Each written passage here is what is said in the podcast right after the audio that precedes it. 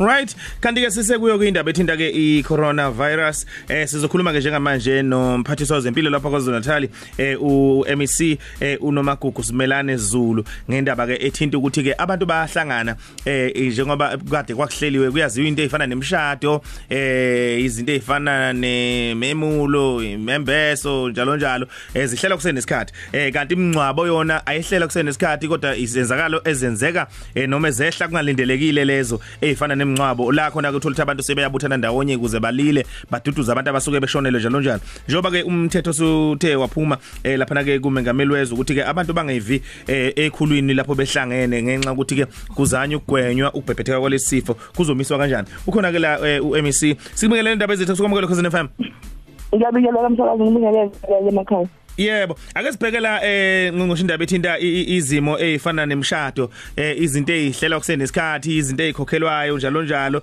eh othola ukuthi manje kuba nzima ukuthi bese kuba eh ukuthi lezo zinto mhlambe ziyakhanselwa noma ziyahlehliswa njalo njalo. Nezehlakalo kwezehla eh kungalindelekile njengemncwabo kumiswa kanjani njengoba eh isimo simanzonzo nje ezweni eh nohulumeni esenxusile ukuthi abantu bangavi ekhulwini uma ngabe bendawonye? Umsakazi asithola asibona nje ithuba lokuthi sibe nane emsakazweni. Siqale ngokuthi isimo esibhekene naso isimo esingajwayelekile. Eh isimo in fact as eSouth Africa as a country okule democracy nje siyaqala la ukuthi sibhekane nesimo esifana nalesi. Ingakho umongameli nethimba lakhe likazwelonke lecabinet bethathe lesinqumo abafika ngakusona eh, kalula. Futhi asi impact nje kuphela kulokho okade ukubala msakazi. Sikhuluma even nange economy eh, ye country ngizile nje nasendabeni kuthiwa manje laba abathengisayo kakhulukazi abathengisa uphuzo oludakayo sekuzofuna bavale ngo6 bavule ngo9 yikho lokho ukuthi isiqumo ngempela esinzima.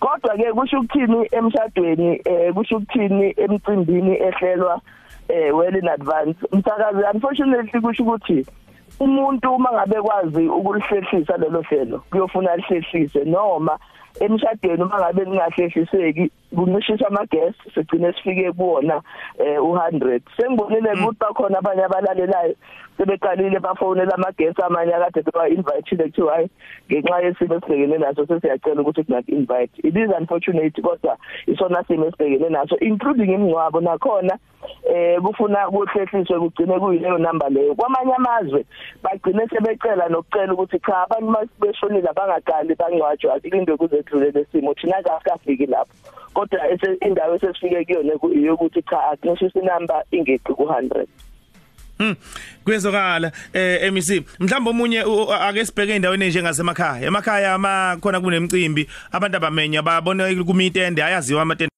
emakhaya uthi elisuke linje elisuke lomncwabo elisuke linje elisuke limelela imicimbi eh njalo njalo. Bayikhuphukela abantu bayizele bezobhiyoza eh bezojabula nabantu basuke bejabula. Kumiswa kanjani ezimene njengalezo ngoba ungakwazi ukwanciphisa ama guest kodwa manje ngenxa ukuthi sendaweni yasemakhaya abantu bayabungazana emakhaya bayathanda ukuthi eh bahambe bayojabula ndawonye. Kumiswa kanjani esimene sinjalo mthakazi awukho umehluko usendaweni yasemakhaya noma usendaweni yaselokishini noma edrobheni.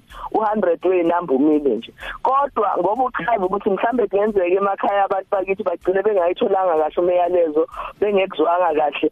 Size safika lapha ekutheni sizama ukuxoxisana nabo bonke ubuholi obukhona eindaweni zase eindaweni zakithi siyaxoxisana namakhansela sixoxisane namakhosi sizoqhubeka futhi siye emhlanganweni yamakhosi ke district so that nabo bazi ukuthi sibambisana kanjani kulolu. Kodwa i request noma isicelo esisenzayo thina njengoba sesise radio kanti futhi cause abantu bayalalela yikona lokho ukuthi cha uma ngabe ukhona umngcwabo khona.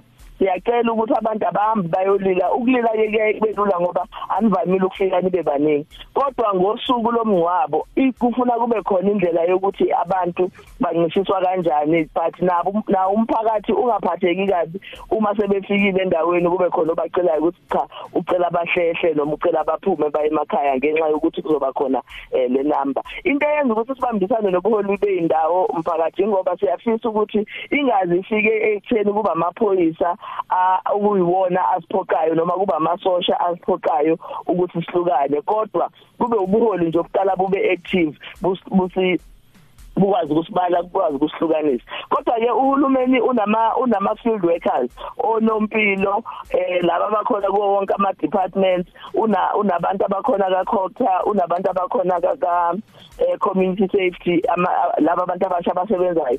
Sithatha isinqumo ke sokuthi ibona abanye ababo esizobasebenzisa ukuthi uma kunemicimbi khona endaweni ngoba kuvamile ukuthi i-ward ne-ward libe nabo nompilo bakhona libe nawo ama field workers akhona kube yibona abakwazi ukubala uma ngabe sekufike sekweqile kulesi sibalo babacele abantu ukuthi eh babuyele emakhaya. Bese isicelo sethu ke ukuthi sicela abantu babambisane eh nalezo nhlaka zikahulumeni ngoba kwenzelwa thina kwenzela ukuthi sonke siphephe kulolu hlelo kulenkinga esibhekene nayo.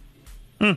Kuyezwakala eh, MEC mhlamba ke sibheke manje indaba ethinta ama sanitizer lawa eh nezinto zokuhlanza nje ke eh izenhlanzeko ikakhulukazi eindaweni zasemakhaya njengoba usathinta indaba mhlambe yakhona nje. Mhlambe kungathola ukuthi ama sanitizer lawa awamaningi kahle eindaweni zasemakhaya eh ngenxa ke yezimo vele zakhona. Kodwa ke mhlambe iziphe ezinye zezinto abantu abangayisebenzisa siyazi emakhaya into ezifana nezibulala magciwane ezivamile khona oshibhushi njalo njalo. Kuhamba kanjani into ezintweni njengalezo msakazi ama sanitizers alungile awanayo inkinga kakhulu kodwa ayabiza.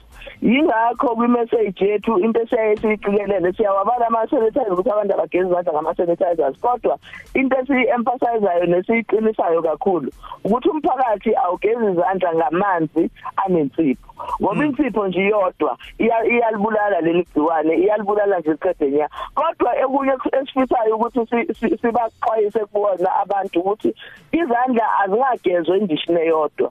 Lawa amagama sidinga ukuthi ugeze izandla eh in what entweni esibiza ngokuthi i running water. Ngamanye amagama kufuna sigeze lempompini kodwa uma ngabe sinendawo ezingenawo amanzi noma ezingenawo upompi kungasiza ukuthi umuntu ageze izandla bese kuba khona umthela ngamanzi so that amanzi azochitheka chithekele phansi angabi ndawonye. Ngoba uma sigeza ndawonye endishini sekuvele kuyafana nokuthi sesithathelene ngoba asazi ukuthi kuthini ubani ongaba nalo ligciwane ebese abanye bafike befaka izandla sesicela yathathelana njalo.